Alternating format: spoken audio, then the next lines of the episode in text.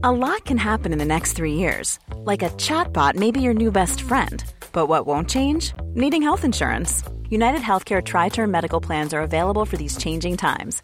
Underwritten by Golden Rule Insurance Company, they offer budget friendly, flexible coverage for people who are in between jobs or missed open enrollment. The plans last nearly three years in some states, with access to a nationwide network of doctors and hospitals. So, for whatever tomorrow brings, United Healthcare Tri Term Medical Plans may be for you. Learn more at uh1.com. I'm Sandra, and I'm just the professional your small business was looking for. But you didn't hire me because you didn't use LinkedIn jobs. LinkedIn has professionals you can't find anywhere else, including those who aren't actively looking for a new job but might be open to the perfect role, like me.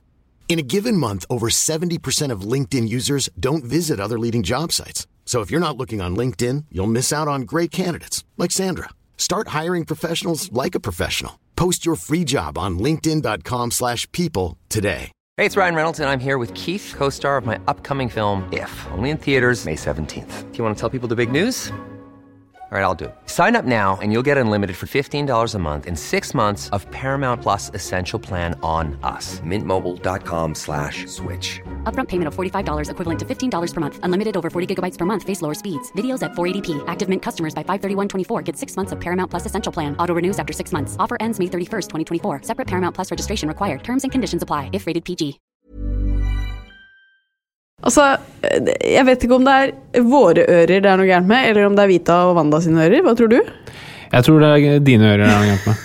Fordi de har akkurat spilt inn podkast rett før oss, og altså det, øh, de headsetene mine de hadde altså det høyeste volumet jeg har hørt noen gang. Nei. Ja, men de må være døve. Nei. Jo, Morsom intro. tusen takk. Eh, Det var ikke for å være morsom. Nei, ok. Da får jeg sikkert Døveforbundet på nakken. Litt sånn redd for å tråkke på Det var ikke meningen å si noe vondt om døve. Nei. Med å si at de var døve. Kan man bli sur for det? Det er veldig lav terskel i dagens samfunn Ja, for å bli sint? for å bli sint. Ja. Eh, Men fordelen er at de hører jo ikke dette her.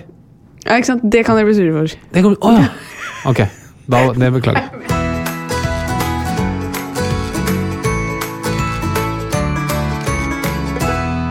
Hei sann, og hjertelig velkommen til Åpen journal. Tusen takk. Så hyggelig at du er her, Harald. Så hyggelig at akkurat du hører på. Du som hører på. Takk for det. Du hører ikke på, du er med, Harald. Jeg hører også på. Ja. Men eh, det er jo eh, veldig hyggelig at eh, folk velger å bruke hverdagen sin på Åpen journal, syns du ikke det? Jo, det syns jeg absolutt. Ja, så bra. Um, og i dag så skal vi ha et medisinsk tema eh, som angår mange av oss. Spennende. Men det skal handle om et organ som har en hektisk tid i møte. Ja Oi, er det nå er det noen som uh, har, begynt, har begynt å rasle litt i misselteinen? Nei. Det er tarmen vår som er dagens tema. Spennende. Absolutt. Fordi det blir jo en del mat i desember, og det blir en del fet mat. Og hvordan det påvirker kroppen vår, og hvordan uh, fungerer egentlig tarmen vår, alt dette det skal vi prøve å svare på i dagens episode. Og så blir det nok også eh, faktisk litt prat om brus. Oi. Ja. ja du virker like overrasket, men altså, du vet jo vet alt dette. Jeg vet jeg vet. Jeg har sett i manus. Ja, det blir snakk om brus. Linnea Myhre kommer. Hun har brusplagg. Hun har brusblogg, og hun er ekstremt glad i brus. Eh, Så eh, det blir prat om litt av hvert i dagens episode. Har jo din egen spalte, Harald. Eh, Men vi ble jo enige om én ting. Ja, altså jeg har jo kommet med eh, Tilsvarende episodenummeret vårt, så har jeg funnet siden i Kamasutra funnet en, en stilling som vi har kunnet snakke litt om her i poden, og som vi kunne fått utøvd på soverommet. Ja. Så har jeg prøvd nå en fem-seks uker. Ikke fått inn noen fulltreffere. Nei? Eh, litt eh, labert på den fronten. Og så var vi enige om forrige uke Ja. at da skulle jeg ikke bare ta stilling nummer 45, for det var podkast nummer 45. Jeg skulle få velge hvilken som helst, helt fritt fra hele boka, Ja. for å finne en som var egnet for en som nettopp har født. Ja. Og da fant jeg en stilling som var helt super. Okay. Og det var sånn at hvis jeg fikk inn den, hvis, hvis du var med på den, Ja. Da skulle jeg fortsette med Kamasutra-spalten. Ja. Hvis jeg ikke fikk det med, Ja. da måtte du ta over denne spalten. Ja. Og nå er jeg Jeg er ikke så spent, før jeg vet svaret, men du som hører på, er sikkert utrolig spent. Og jeg valgte jo forrige uke den perfekte stillingen. Ja. Fordi du skulle jo bare sitte sammenkrøket som et egg. Ja. Men jammen så traff den ikke. Nei. Du har jo sittet sammenkrøket som et egg, bare ikke riktig sted for denne stillingen. Ok. Så da er denne Kamasutra-spalten ferdig, og så tar du Den tar i hvert fall en pause. kan vi ikke si det sånn? Ja, jeg syns alltid det er så trist med ting som er ferdig. Ja, jeg. Ja. Vet du hva, Jeg vil gjerne slå et slag for at uh, det er helt normalt at uh, ting kan være smertefullt, også 14 uker etterpå. Helt Ja. riktig. Det skal dere menn ha respekt for. Det har vi all respekt for. ok. Og da er det min glede å overrekke den spalten til deg. Ja. Stud med eh, K. Flatland. ja. Og da er jeg spent. Hva har du å si om episode nummer 46? Ja, jeg velger jo da å si noe om episode 47, jeg da, som vi er på. Ok, spennende. Men du du vil kanskje ha på forrige? Veldig gjerne. Ok. Tallet 47 kommer etter 46 Det er, det er ganske det er en bra start. og før 48. 47 er også Det er så gøy at jeg ler så godt av meg selv. 47 er også et primtall. Vet du hva det neste primtallet er, Harald? Jeg kan gjette. Ja. Det er ikke 48, det er ikke 49, det er ikke 50, ikke 51, ikke 50 Nei, de skal kanskje ganske høyt opp. Um, 27, 30 Dette er ikke kjempeunderholdning for folk å høre på at du, Du regner deg frem. Jeg, jeg tipper 111. Nei, neste, neste primtall er 53. Ja, det er det selvfølgelig. Herregud. Ja, Eller jeg vet ikke hva primtall er engang. ja, for det er mitt neste spørsmål. Vet du hva et primtall er? Jo, det kan ikke deles på Skal vi se, det kan, ikke dele, det kan bare deles på seg selv. Det er helt riktig. Ja. Mm, 53, selvfølgelig. Det var veldig dårlig av meg. Ja, det var i hvert fall at du gikk opp til 111. Men 111 er vel heller ikke, for det er 90 pluss 21. Nei, dette, nå, um, dette er stang ut for Ja. dr. Roblaug. Men hva syns du om uh, spalten? Det her bør ikke være spalten. Jo, det er spalten! Det er spalten! Så Det var du, du sier at 47 er et primtall, Ja. og Lurte på hva det neste primtallet var. ja. Det, å, du klarte det ikke, så det var jo kjempegøy. Så neste, men, altså, neste uke er 48. Ja, men da kan det være noe nytt. Da er det partall, da, kanskje? Nei, men vi kan gjøre det sånn at neste uke så er det din tur igjen. Som å finne Nei, overhodet ikke. Kan jeg få si at det bærer litt preg at du har laget denne spalten med din venstre hånd? Jeg hadde litt dårlig tid, ja. Men moro var det. Moro var det. Vi går jula i møte, Harald, og jula det er en tid du liker. Det er helt riktig. Ja. Veldig glad i jul. Og du har jo eh, lyst til at vi skal pynte julet på ekte Pynte julet? Pynte hus. på ekte sånn amerikansk vis. Yes. Det kommer jo aldri til å skje. Jo mer lys, Ja. og jo flere nisser det er, Ja. jo gladere blir jeg. ja. Og det er jo Jeg har jo en svigermor, og du har en mor som er Jeg skjønner jo hvor dette kommer fra, for hun er jo meget glad i pynt. Ja. Hun har jo øh, Hun hadde en hytte som eh, hun solgte nå, men eh, den, der var det pynta til jul hele året. Og også til påske, faktisk. Yes. Ja, hele året. Ja, Så du er veldig glad i, i nips. det er riktig. Og det er det lite av hos meg. Ja, Og jeg har også prøvd å foreslått fake juletre. det går ikke. Nei.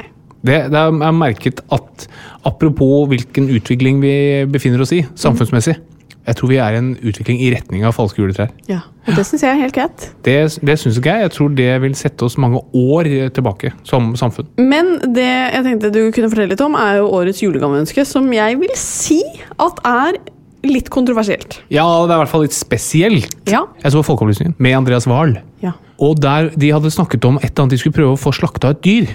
Og så hadde de fem kjendiser, eller noe sånt, og ingen ville slakte det dyret. Jo, de gjorde det vel, og så trakk de seg etterpå. Ja, alle trakk seg etterpå, så Ja. jeg hadde ikke vist at jeg slakta det dyret. De var så redd for reprimander.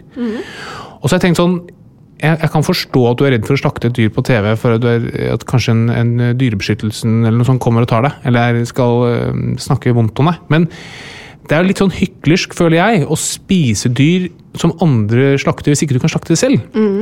Og det må bare si, Jeg spiser jo masse kjøtt. Ja. Spiser bacon eh, senest i går. Men det, jeg- det jeg egentlig har litt lyst til å gjøre, og det høres litt grusomt ut, jeg har lyst til å slakte en gris. Ja, du har ønska deg det til jul. Ja.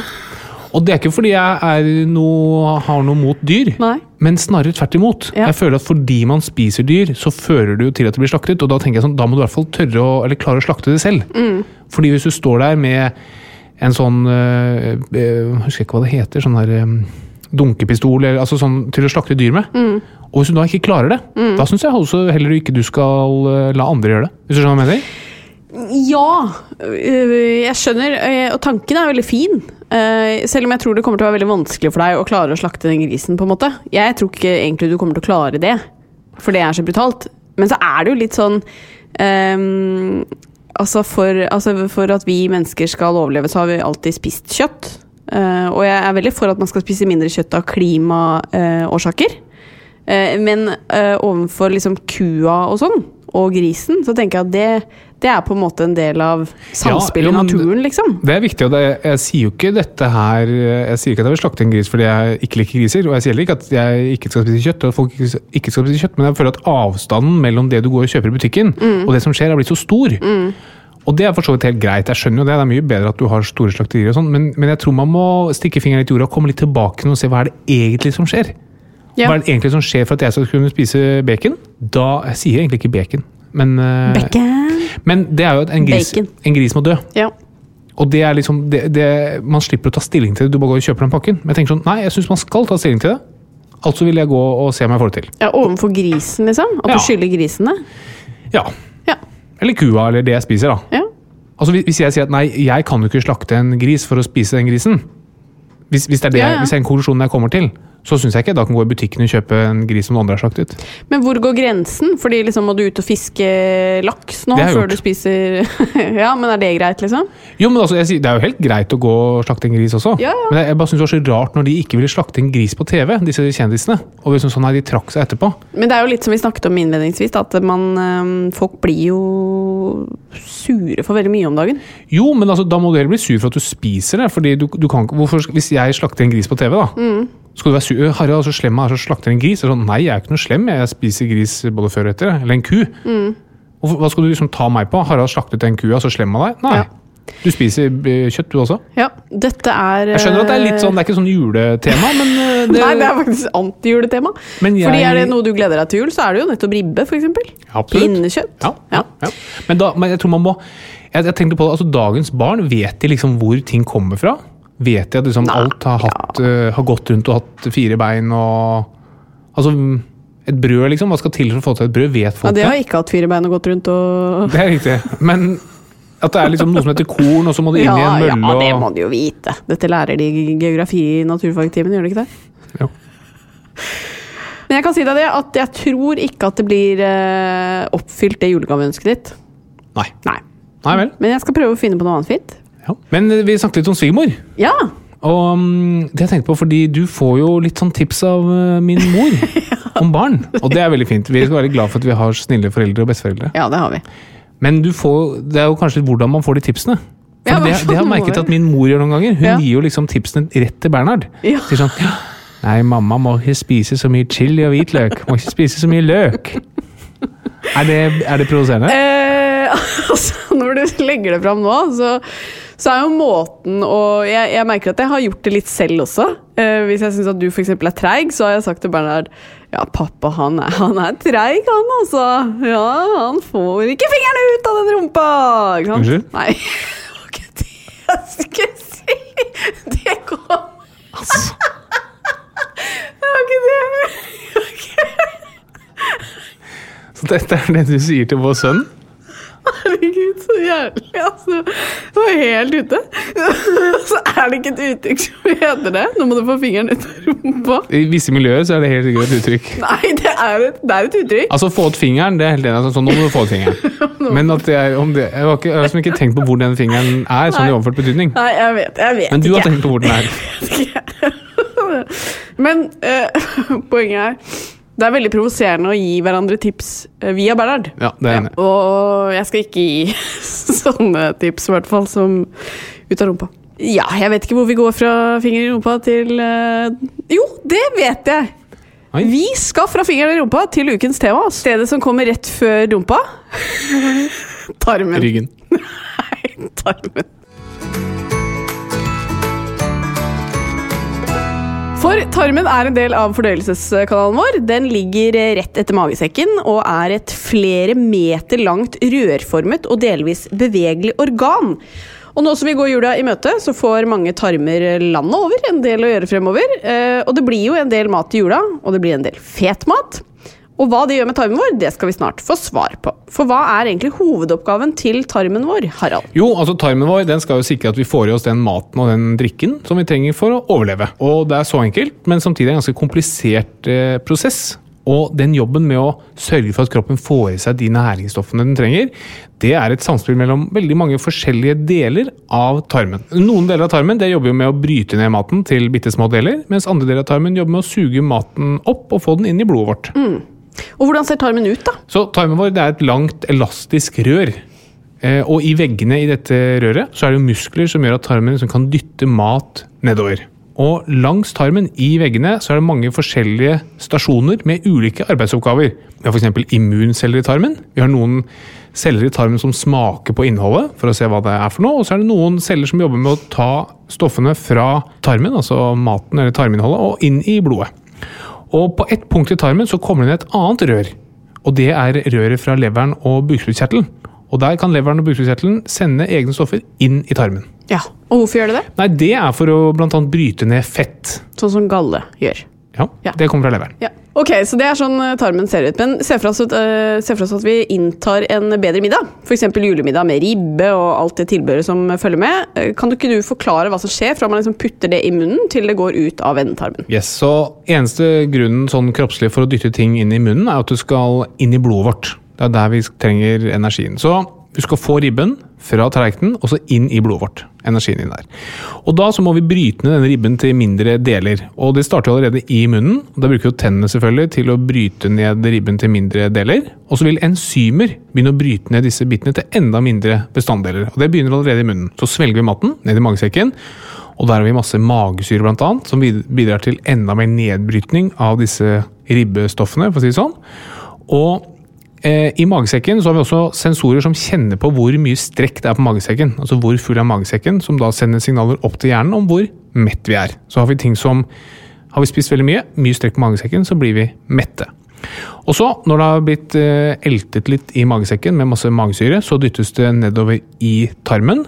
Og der har du egne smaksceller som kjenner på hva slags mat det er, og som da sier hvor fort magesekken kan tømme seg.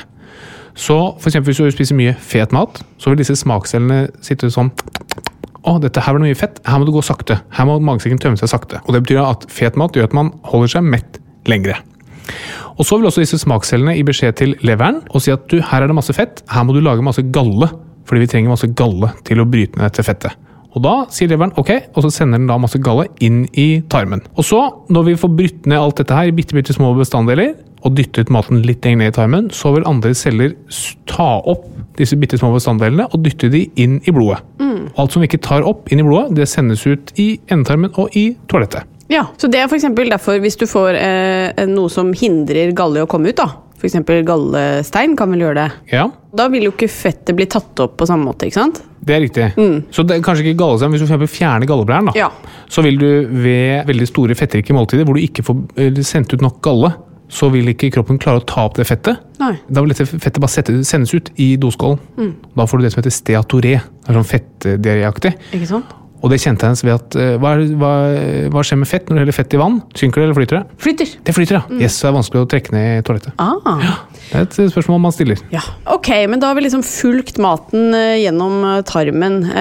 Og vi snakker jo litt om fet mat som vi skal spise i julen. Hvordan påvirker fet mat kroppen vår og tarmen? Så den påvirker ikke på så mange andre måter enn det vi snakket om nå, men altså, det er mange samspill i tarmen som da kjenner på at det er fet mat, og da trenger du iverksette flere verktøy den har for å få brutt ned disse fett... eh, altså dette fettet ned i bitte, bitte små fettdråper som da kroppen kan ta opp. Men eh, det som er, hvis du f.eks. har gallestein, da, så det som er med galleblæren, den henger under leveren. Så galleblæren er på en måte en fin måte for leveren å spare opp litt galle på. Fordi leveren lager hele tiden litt og litt og litt galle, men plutselig trenger den masse galle. Og da er det fint å kunne bruke galleblæren til å oppbevare galle, og så sende det ut. da.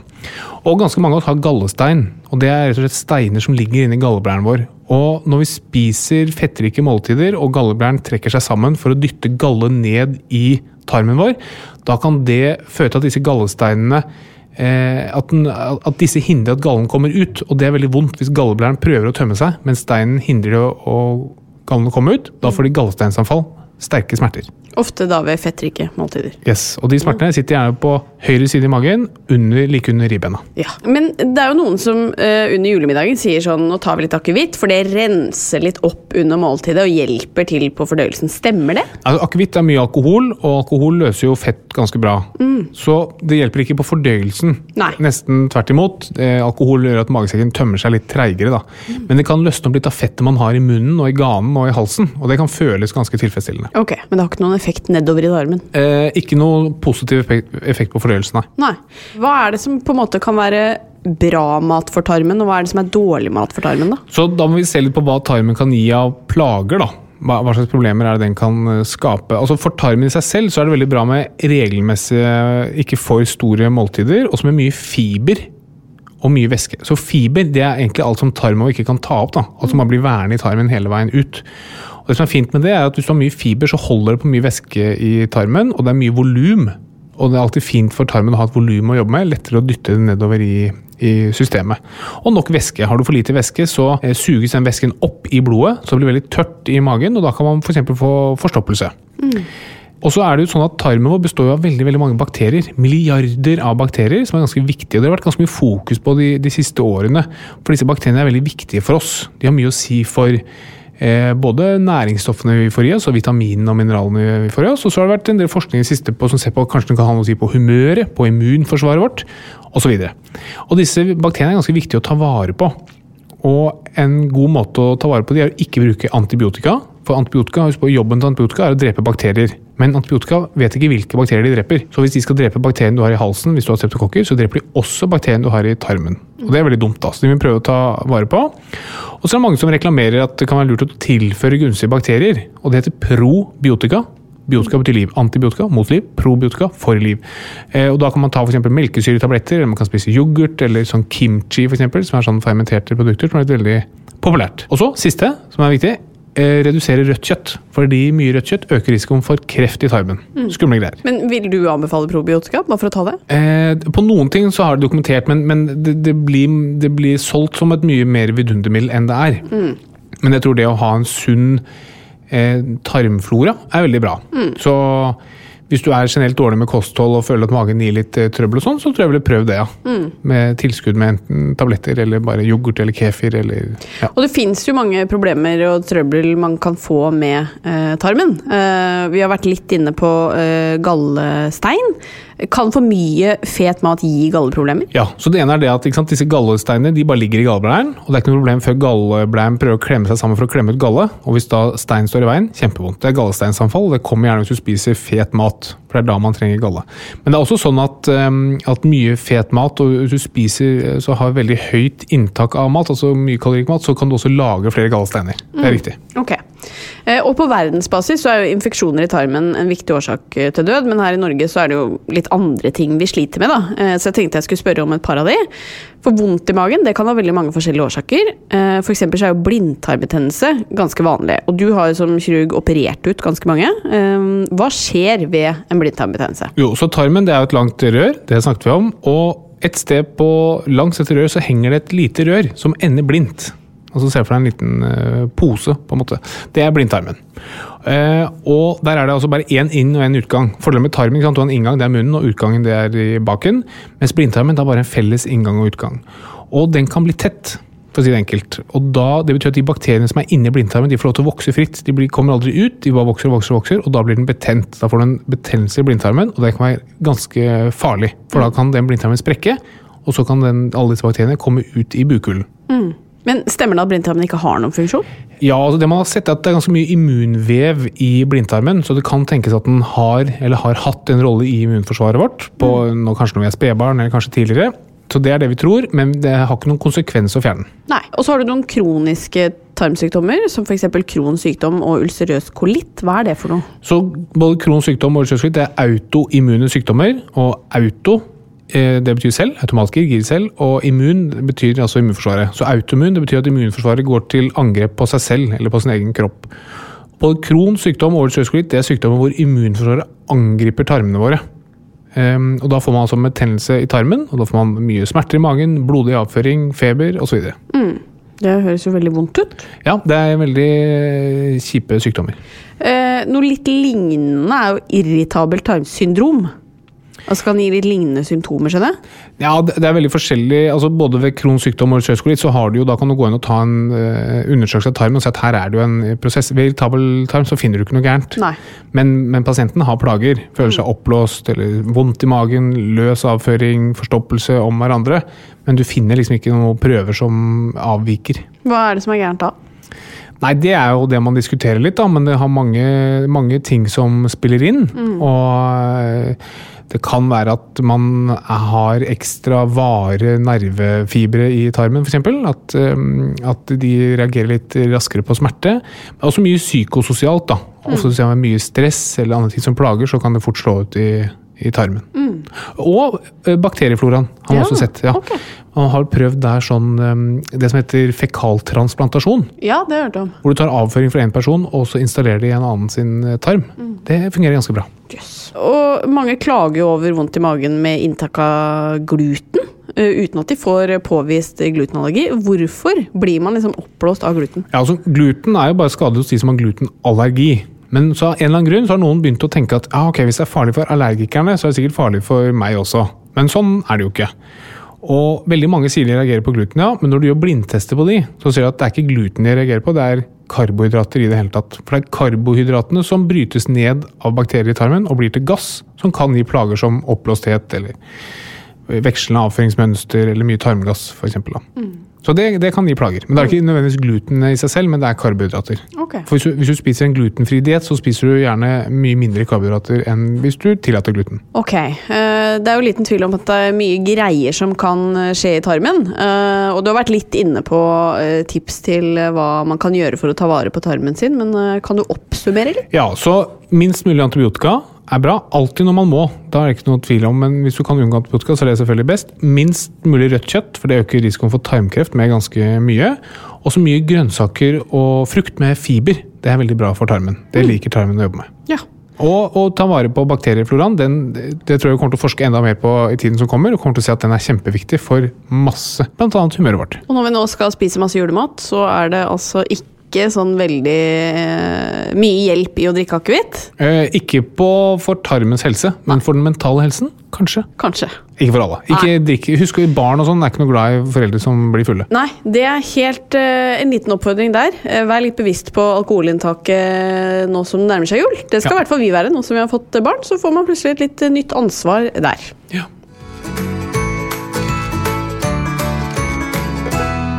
Og så har vi jo da fått et lyttespørsmål som vi alltid får. eh, Og eh, denne gangen så er det eh, noe som går på tarmen.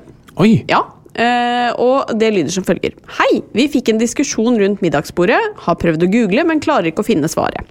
Er det fysisk mulig å tisse og bæsje samtidig? Eller er det fysisk umulig? Jeg føler nemlig at det ikke går å åpne begge steder samtidig, men gutta rundt bordet her mener at de klarer det. Hva sier doktoren?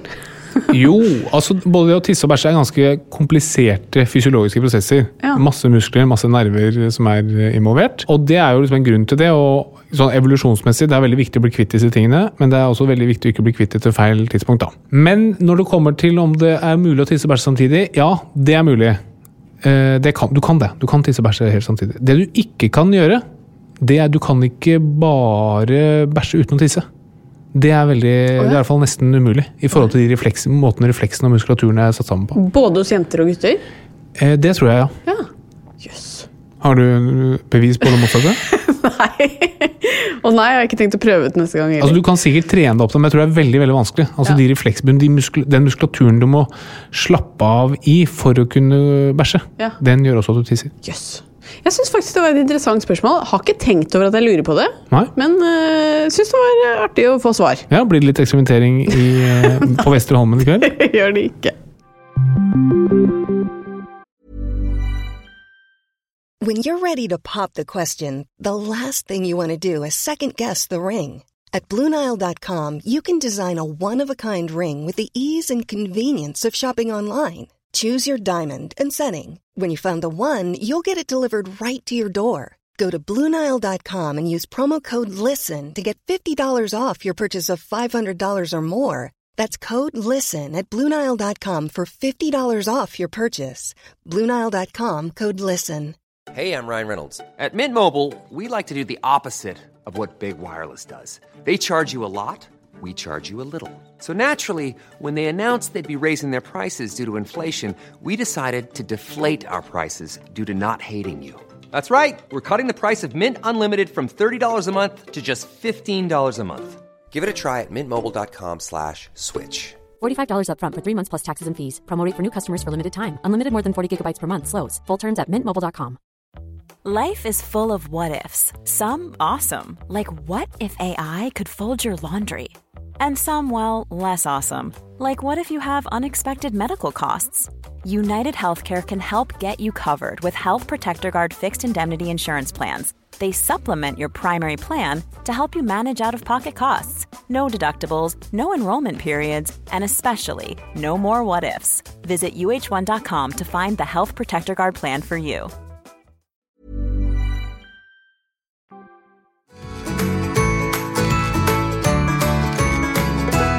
Vi har fått besøk av eh, forfatter, podcaster, influenser og ikke minst brusblogger Linnea Myhre. Hjertelig velkommen. Takk for det. Hva identifiserer du deg mest med?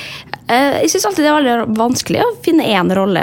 Ja. Eh, Fordi at det er litt forskjellige ting eh, Eller liksom bytte annenhver uke, og så har jeg en ny rolle. Og det synes jeg, Da blir jeg aldri lei. Nei. Men det er klart at det er jo litt forskjellige assosiasjoner til de ulike tinga. Det er jo en forskjell på å være influenser og forfatter, på en måte. Ja. Som jo, man, man velger når man skal bruke de ulike rollene. Ja. Men det er veldig hyggelig at du tar deg tid til å komme, for du har jo veldig mye som skjer om dagen. Jeg er jo stor fan av podkasten din. Altså, Jo, takk for det. Den er jo så gøy. Ja, den har jeg holdt på med nå i ja, egentlig siden sommer. Satt og skrevet manuset hele sommer, egentlig. Og så har den vært uh, gått nå da, de siste månedene. Um, og, og som heter Gi meg alle detaljene, som er på VG. Og den, den, jeg koser meg med det, altså. Men det er mye jobb, ja. Å skrive, skrive livet til eller en hendelse. Skrive manuset om livet til Jon Arne Riise, f.eks. Lese selvbiografien for å få nok detaljer. Uh, da, det, det er litt research, men det er jo Jeg koser meg jo med historien, da. Ja. Så det er litt viktig å velge historiene som eh, jeg også kan faktisk sitte og jobbe i ukevis med. Ja, og kose deg med. Ja, så ikke kjede meg i hjel, liksom. Hva har vært den gøyeste historien, syns du? Um, nei, faktisk Gunnar Riise-episoden. Også litt Blogg-Norge, da, for der er jo altså, Norges første bloggbot. For der føler jeg at jeg har Da, da trenger jeg ikke gjøre research, jeg veit alt, liksom. Så da kan jeg bare sitte og, og fable oppi mitt eget hode. Ehm, men, uh, men det blir jo alltid 25 sider langt, liksom, og så må jeg kutte ned til 10-15. Ja. Så jeg, jeg, ja, jeg kan, kan skrive meg i hjel, rett og slett. Eh, men eh, litt opp mot dagens tema, så har vi snakket om eh, tarmen vår. Hvor mye kan du om din egen tarm, holdt jeg på å si? Eller vår tarm? Jeg kan veldig lite om det som foregår inni kroppen, må jeg være ærlig og si. Rett og slett bare fordi at det er mm, Jeg syns det er Jeg syns, jeg syns ikke det er så interessant. um, og så altså syns jeg det er litt ekkelt å tenke på. Ja. At jeg greier ikke helt Det er litt sånn som med verdensrommet for meg. At, jeg, at, det, blir så, at det blir for vanskelig for meg å forstå og sette meg inn i at dette fungerer uten at man gjør noe. Men du har tatt med deg tarmen hit i dag? Ja, den har jeg som regel med meg. Altså. Har det. Det er vi glad for. Ja. Ja, for Vi har snakket om julemat, eh, blant annet. Hvordan det påvirker tarmen. Er du sånn som liksom eh, ikke klarer å stoppe med ribbe på julaften, eller? Du vet jo hva, Jeg liker veldig lite um, julemat. Jeg Ja. liker verken ribbe eller pinnekjøtt. Så jeg har liksom aldri fått utsatt tarmen min for så mye av det. Hva er det du spiser på julaften? da? Eh, nei, mye forskjellig. Fyr så spiste jeg bacalao. For det er loff, og så pleier jeg å spise sånn skinkesteik. da. Um, og så har jeg spist fiskegrateng og fjolene. Ja, det er ikke så farlig, så lenge man har det felles som måltidet. Men jeg er jo veldig glad i godteri og kakemenn og sånn, da, så det blir, jo, det blir jo mest det jeg spiser i jula, kanskje. Og det er jo heller ikke kanskje ja, kroppen og tarmen så Glad i. Glad for. Men er det noe eh, du eh, inntar mye av i jula, Linnea, så er det jo brus, har jeg skjønt. Brus. Brus. Det er det, og det gjør jo hele året, egentlig. Ja. Men, men um, det er jo det da, når det kommer julebrusen i tillegg, så skal jo det på toppen av alle den andre brusene i drikk i tillegg. Ja. Um, så da blir det jo Det blir nok en liter ja, om dagen. En liter? N- Nei, flere, ja. Ja, flere, ja. Mm. Ja, ja, ja. For da, du, da drikker du ikke så mye vann, da. Eh, jo, jeg drikker det også, så jeg går på do sikkert en gang i timen og under det.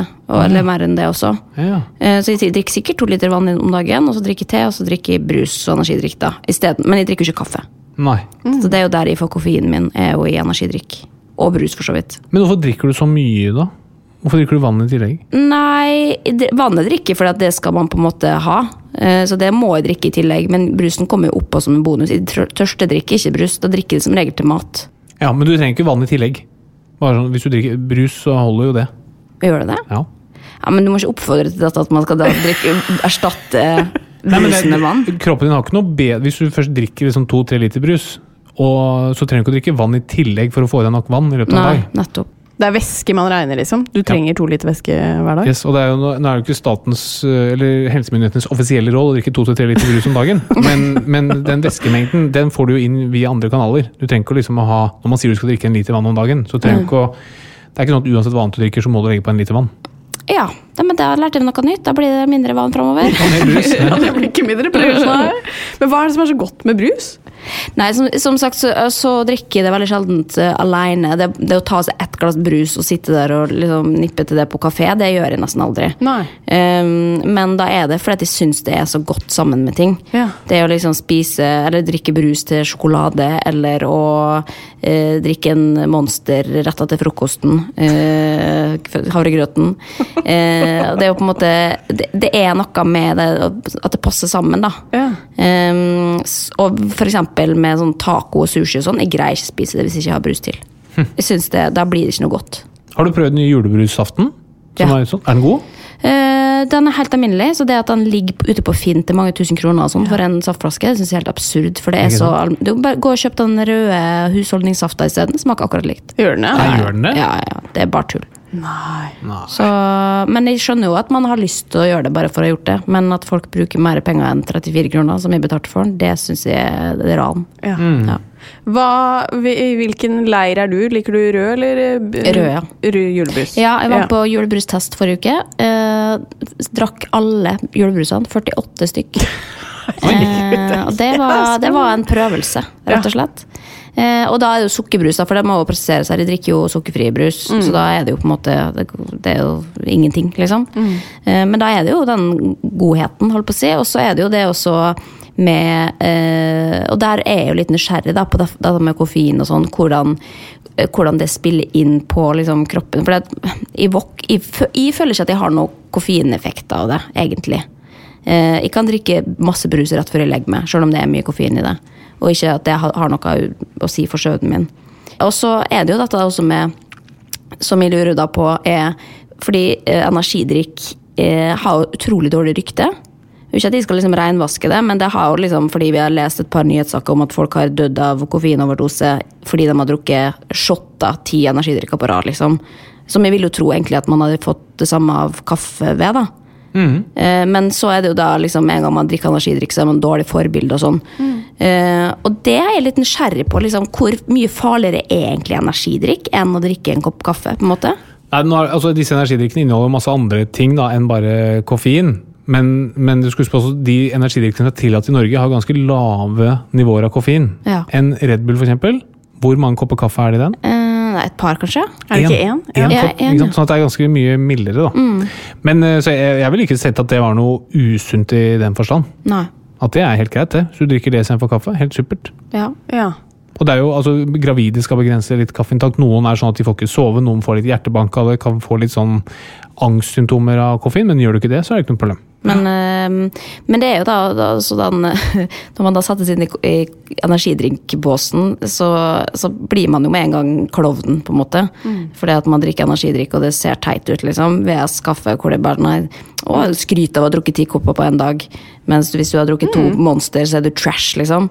Eh, og jeg står godt i det å være trash. Jeg kan drikke det på sengekanten og kose meg veldig med det. Eh, men, og, men det er noe barnslig over det også, da. Eh, ja.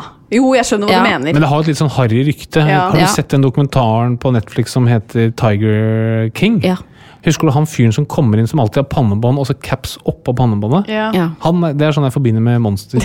Ja, ikke sant. Jeg, vet- jeg, jeg vet ikke, men jeg bare Jeg har vært litt redd for å på en måte ehm, viser at de drikker, drikker så mye av det fordi at de føler at det har så dårlig rykte. da. Og så mm. syns jeg det er litt urettferdig at man liksom må skjule det fordi at, at folk eh, At det er jo egentlig ikke noe verre enn å drikke kaffe. Nei, I hvert fall ikke sånn eh, koffeinmessig. Nå har jeg ikke sett inngående hva som fins i, disse, mm, i disse energidrikkene, men det er jo mye B-vitamin, f.eks. Hvis du ser på liksom deklarasjonen på deg, så ser jeg at det er ganske mange Bl.a. B-vitaminer som er der i veldig veldig høy dosering. Om ja. det er noe farlig, det, det, vet jeg ikke. Om det er veldig farlig så høye doser over, over lang tid. Mm. Men det kan jo være også et sånt aspekt med at du tenker at ok, her er det en som må drikke energidrikk for å klare å holde seg oppe. ikke sant? Sove mindre om natten og heller drikke mer eh, energidrikk. Ja. Det, vært et, det skjønner jeg på en måte kan være et dårlig forbilde. Mm. Men at noen mm. velger å ta seg en eh, energidrikk istedenfor en kaffe, det spiller overhodet ingen rolle. Nei, nettopp. Mm. Men da må jeg spørre dere, i og med at jeg er helt i natta når det kommer til brus. Eh, fordi du sier at du drikker lettbrus, og det er liksom ingenting.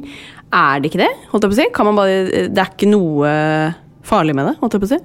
Nei, Nå har det gjort noen ganske store studier på dette med lettbrus og sånn, men eh, som vel eh, Nå husker jeg ikke helt resultatene her, det kan vi se på, men jeg mener at det er litt overdødelighet hos de som drikker veldig mye lettbrus, uten at man helt klarer å si hvorfor. Men hvis du ser på inn, innholdet i en lettbrus, så er det jo ingenting. Det er som å drikke vann. Ja, Det er det, ja. ja det er ikke noe energi i det. Eller. Nei. Nei, men han sier jo det at, det at, du skal utrolig store mengder til før det på en måte har noe utslag på det, og så vet du ikke helt hva liksom, langtidsvirkninga av de ulike søtningsstoffene Uh, ja, er, da. Um, men uh, Og jeg er jo egentlig ikke sånn helseangstlig heller, så jeg tenker sånn at da hvis de ryker tidligere pga. det, så tenker jeg det, det går greit. dette, dette, med sånn her, vi vet ikke langtidseffektene, det, det, er liksom sånn man gjemmer seg litt bak som ja. lege. Hvis det er noe du vil at folk skal slutte med, så har du ikke noe fundament for å si det. da. Nei. Eh, du kan si antibac. Liksom. Folk bruker så mye antibac. Jeg vet ikke langtidseffekten av å bruke antibac på hendene heller. Nei. Men vi er ikke så bekymret for det. Og det er litt sånn med aspartam og altså sånn jeg, jeg tror nok det, det, er veldig ofte sånn at hvis du gir folk noe å skylde på, så vil de mm. gjerne bruke det for alskens mulig vanlige plager. da. Om mm. det er som hodepine eller slapp og slitenhet. eller så Aspartam for eksempel, i brus er sånn det er sikkert den aspartamen jeg drikker som gjør at jeg føler meg så slapp og sliten. Jeg har ikke noe holdepunkter for det. Nei. Men som lege, du, du, får ikke lov å si, eller du kan ikke si noe uten at det er liksom fundamentert noe sted. Mm. Og si at vi vet ikke langtidseffekten av å drikke mye lettbrus. Nei, vi vet jo ikke langtids, det er veldig mye vi ikke vet langtidseffekten av. Mm. Ja, du finner jo forskning i begge leirer her, og da er det jo hva slags uh, hjem det kommer fra sjøl, da. Og det er jo dem som er veldig anti lettbrus, f.eks., som da sier at det er det farligste, og da drikker mye heller sukkerbrus, liksom. Uh, mm. At det er mye sunnere. Og det, da kjenner jeg at de kan tanne på et par plugger. Altså, det, og i hvert fall når de får det i innboks, og noen skal mm. belære meg om hvor farlig lettbrus er, sier, da, så sier jeg bare jeg går og tar meg en brus og sletter meldinga di og blokkerer det. Altså, for det at eh, nei takk.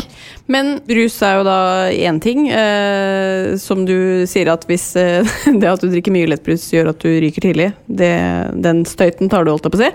Eh, du, har du ikke noe sånn helseangst, altså? Eh, nei, altså, altså Hvis man på en måte stikker en pistol mot hodet mitt akkurat her og nå, så vil jeg jo sikkert be om å få leve litt lenger, på en måte. Nei da, men, men, at uh, jeg tenker at eh, døden er en naturlig del av, av livet. Men jeg tror også at det bare, jeg synes det er veldig vanskelig å forholde meg til at det er ekte. Mm. Så derfor bare liksom skyver det litt foran meg. Og så, så lenge jeg på en måte ikke har noen fysiske vondter, så syns jeg også det er veldig vanskelig å forestille seg at, at man skal ha det vondt. Mm. Men jeg er jo veldig redd for, jeg er redd for smerten. liksom. Utrolig redd for smerte. Takler det dårlig, så jeg er veldig redd for å liksom få eh, ja, en kronisk sykdom, eksempel, som gjør at jeg liksom aldri kan hente meg inn igjen, liksom. Um, men jeg greier ikke å liksom likevel tro på at det kan skje. Da, for jeg er jo litt sånn at det kommer aldri til å skje med meg-type. Mm. Som er veldig egentlig deilig. Mm. Men når først ting skjer, da, så tar jeg det på alvor og har lyst til å fikse opp i det og forstå det og skjønne hvordan jeg kan bli kvitt det. på en måte. Jeg lar det ikke kjøre og gå, og så går det til helvete, på en måte. Mm. Men du sier også at hvis du får vondt eller blir sjuk, så virker det som du da oppsøker lege fort, eller? Ja, da har jeg lyst til å fikse det. Jeg har lyst til å forstå. Jeg er veldig sånn må ha en forklaring på ting. Hvorfor mm. ting er vondt. eller sånn. Så jeg kan bli utrolig frustrert hvis det liksom ikke er noe klart svar på noen hormonelle ting, eller uh, altså, sånne ting hvor de, liksom, noen kan si 'nå skal dette skje', eller 'da skal du få uh, den skal, dette skal ha den virkninga, og dette kommer til å virke sånn på din kropp. At liksom, man må finne ut sånne ting sjøl og liksom gjøre sånn oppveining sjøl. Det er utrolig frustrerende, for jeg har bare lyst til at det skal være én fasit. Mm, mm. Um, så jeg kan være veldig oppgitt på kroppen noen ganger, for jeg føler ikke at vi alltid spiller på lag. da. Mm, på hvilken måte da? Nei, for eksempel med liksom uh, ja, hormonelle ting. eh, og det å liksom aldri få en riktig syklus og sånn. Jeg har jo plaga kroppen min veldig mye i eh, 20-årene og ja, tenårene, liksom. Så jeg har jo på en måte litt sånn langtidseffekter etter det, som gjør at det har vært, har vært veldig vanskelig for å liksom eh, bli kjent med kroppen min, da, for at det hele tida liksom henger en ting. Og ja, det er sikkert en, fordi at du ikke hadde mensen da i åtte år, liksom. At da jeg må slite med det nå. Og da er det på en måte å begynne liksom, som 30-åring å begynne å forstå seg på sitt eget eh, system, på en måte. Eh, og så finner man aldri ut av det heller. Da blir det sånn åh gud, kanskje bare, kanskje bare gi noen gir meg svaret, liksom. Men, ehm, men eh, så, så det er liksom det mest frustrerende med kroppen sin, når du ikke har noe tydelig svar. da. Eller sånn, og det må tenke man være grusom også for dem som går og kjenner på at det er noe feil, men det er liksom Nei, alle prøvene er fine. Eh, det er liksom kanskje min frykt, at du bare går og kjenner at noe er grunnleggende feil.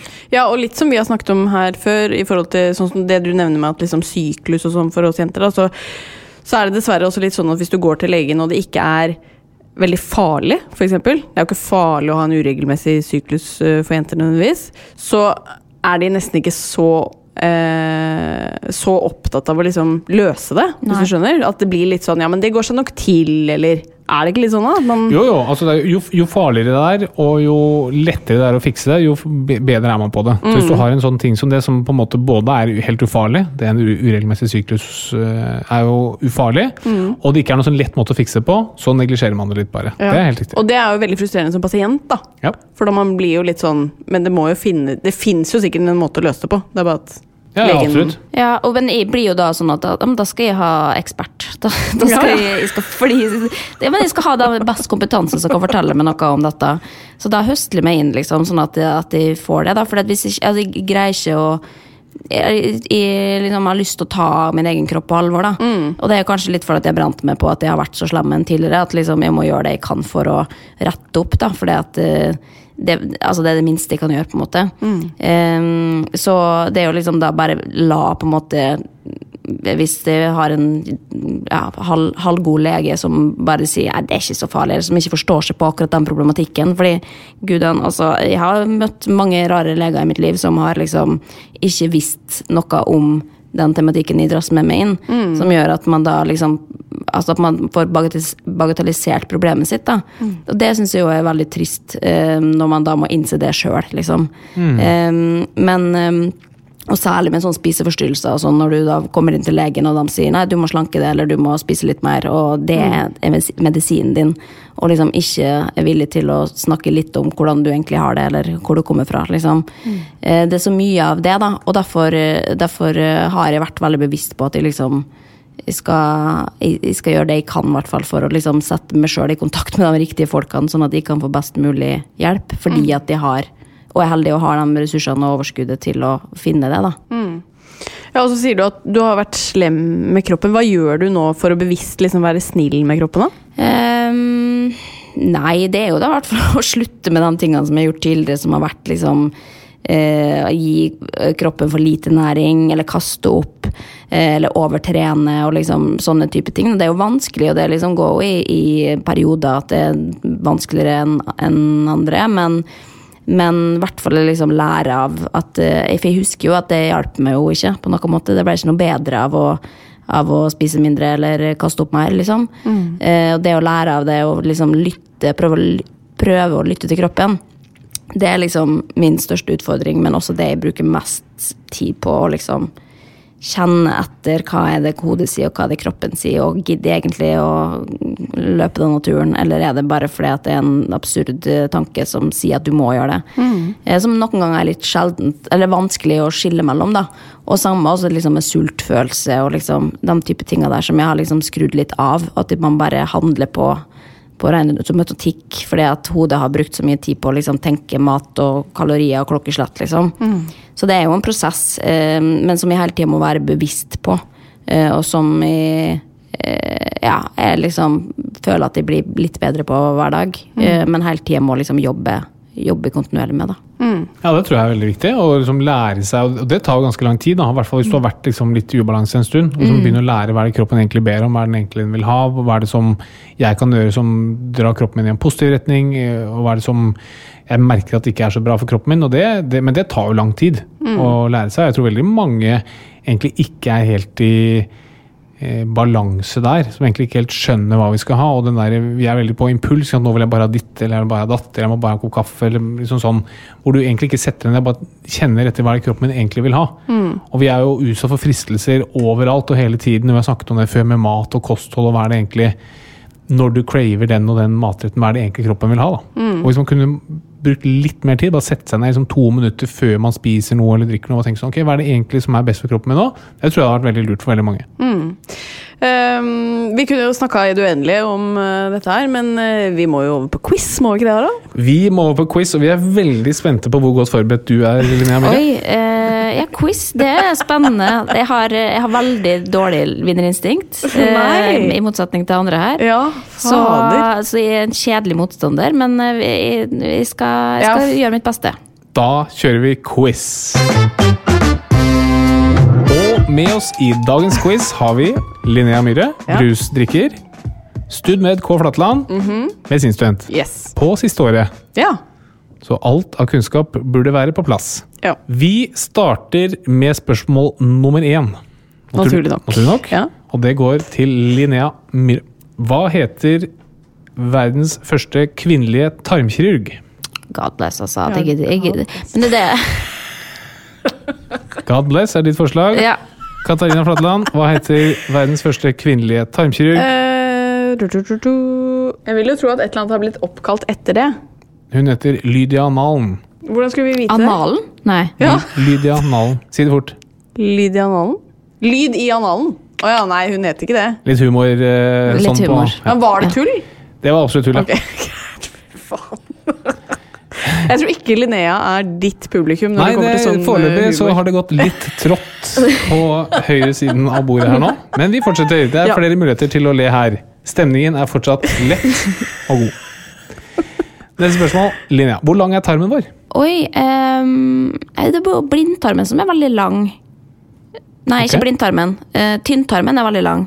Men tynntarmen er vel en del Nå bare resonnerer vi framover. Altså, tynntarmen er jo en del av selve tarmen. Det er korrekt. Ja. Nei, en er ikke, en er ikke helt sånn sykt lang, liksom? 15 meter? Ok, Katarina? Åtte meter. Ja, Fem til syv meter. Ok. Men jeg var inne på det begge to. Ja, ja. Men ett poeng til Katarina. Ja. Den får du der. Neste spørsmål. Linnea, kan man skjære bort deler av tarmen og så bare skjøte de to endene på hverandre igjen? Ja, det må nå være mulig. Ok, Katarina? ja. Ja, helt riktig. Ja. Det kan du. Og da er neste spørsmål hva er utlagt tarm? Linnea. Faen, altså.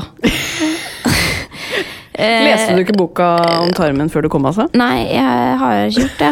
Ehm, men altså, det er jo når du har sånn pose på magen at du ikke kan At du går ikke på nummer to på, på vanlig måte. At du Ja. Det samles opp i en pose som du må tømme isteden. Ok, Vil du legge til noe, Katarina? Uh, nei.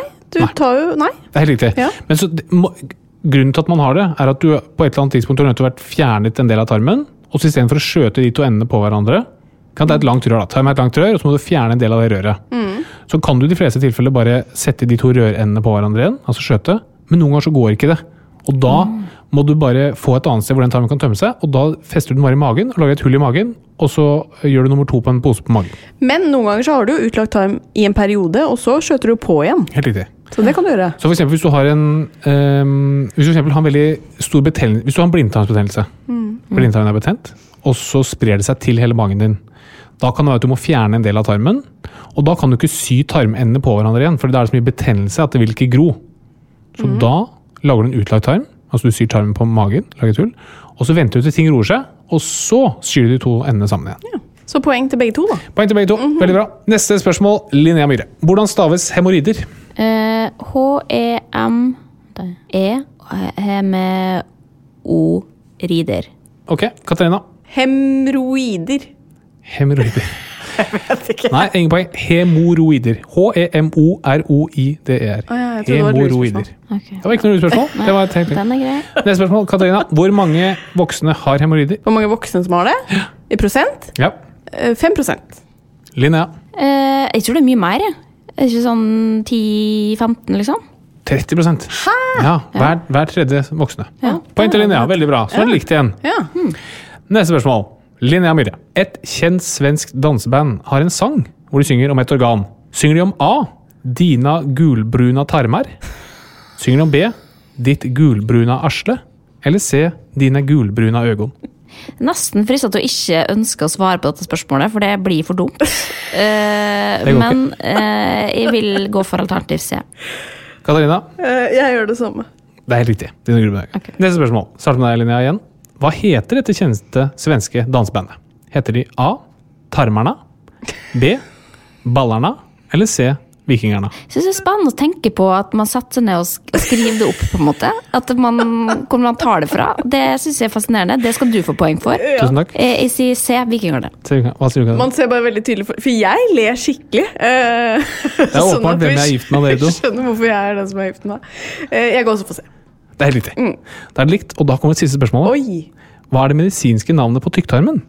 Der er jeg blank, altså. Katarina? Kolon. Ja, det er riktig. Det, var, det, den, det var litt for lett for du som Ja, studerte men der har du kolon ascendens, kolon transcendens og kolon descendens. Okay. Nå skal du bare sanke flere poeng, men det var ikke noe flere okay. poeng å hente. nei. Nei, men det ble faktisk poeng til Katarina. Yes! Men det er jo ikke noe gøy å konkurrere mot noen som har absolutt null konkurranseinstinkt. Jeg, Nei, jeg driver ikke. Helt likegyldig. Men jeg tar den seieren jeg får, så jeg er kjempefornøyd. Ja. Eh, før vi avslutter, så pleier vi alltid å få en, en liten beskjed til Bernhard. ja. Ja. Og det er rett og slett at vi skal jo nå oppdra denne lille gutten, og vi må lære han alt sammen. Han vet ingenting. Nei. Og da gir vi da gjestene mulighet til å komme med en, et lite visdomsord. Noe som han skal ta med seg. Jeg skriver alt ned og skal fortelle han det i oppveksten. Å, herregud. Det kan være eksempel at han alltid er god nok. Eller det Lars Berrum sa, var at man skal alltid passe på å alltid ha det gøy i eget selskap. Du må liksom, fra, fra du er tidlig av, liksom prøve å huske at du må kunne kose deg bare med deg selv. Ja. Um, altså Nå har ikke dere sett meg snakke til barn, men jeg snakker til barn som jeg snakker til voksne. For jeg skjønner ikke hvordan jeg snakker til barn. Så det er veldig flaut å se meg snakke med barn. Uh, så det å komme med liksom et råd Fader, altså. Um, Hva er det du skulle ønske at du fikk vite da du var liten? Nei, og apropos Lars Berrum, kanskje, så, så tenker jeg han, han har jeg hørt si noe som jeg eh, prøver å leve etter sjøl. Eh, og det er liksom det med å liksom ikke ta livet så seriøst. Altså, Du må ikke drive og gjøre altså, bare så, da, For da blir det så alvorlig, liksom. Man må, må, og da kan du, med en gang du greier å minne deg sjøl på det, eh, ikke, ikke ta det så alvorlig, alt. Ja. Så, så kan man liksom steppe ned litt, og ikke stresse så mye over ting. Så det er hver gang jeg minner meg sjøl på det, så, så kan jeg le litt av det jeg tidligere, eller to sekunder før, eh, var veldig stressa over og tenkte at det var helt uh, utholdelig. Ja. Ja, men Ja, men det er et veldig bra tips, det. Vi burde nok hørt det, vi òg. Som tok liksom legeutdannelse og brukte sabla mange år på å sitte på Ja, men noen skal jo bli lege også, da, tenker jeg. Så det er, ikke, det er greit at ikke alle vet det. Ja. Men eh, ja. Kjempefint. Det har vært veldig hyggelig å ha deg på besøk, Lina. Tusen takk for at eh, du kom. Tusen takk for meg. Og god jul. God jul. Plan B. Hey, it's Paige DeSorbo from Giggly Squad. High quality fashion without the price tag. Say hello to Quince. I'm snagging high-end essentials like cozy cashmere sweaters, sleek leather jackets, fine jewelry, and so much more. With Quince being 50 to 80% less than similar brands. And they partner with factories that prioritize safe, ethical, and responsible manufacturing. I love that. Luxury quality within reach. Go to quince.com slash style to get free shipping and 365 day returns on your next order. Quince.com slash style. Mom deserves the best, and there's no better place to shop for Mother's Day than Whole Foods Market. They're your destination for unbeatable savings, from premium gifts to show-stopping flowers and irresistible desserts. Start by saving 33% with Prime on all body care and candles. Then get a 15-stem bunch of tulips for just $9.99 each with Prime. Round out Mom's menu with festive rosé, irresistible berry chantilly cake, and more special treats. Come celebrate Mother's Day at Whole Foods Market.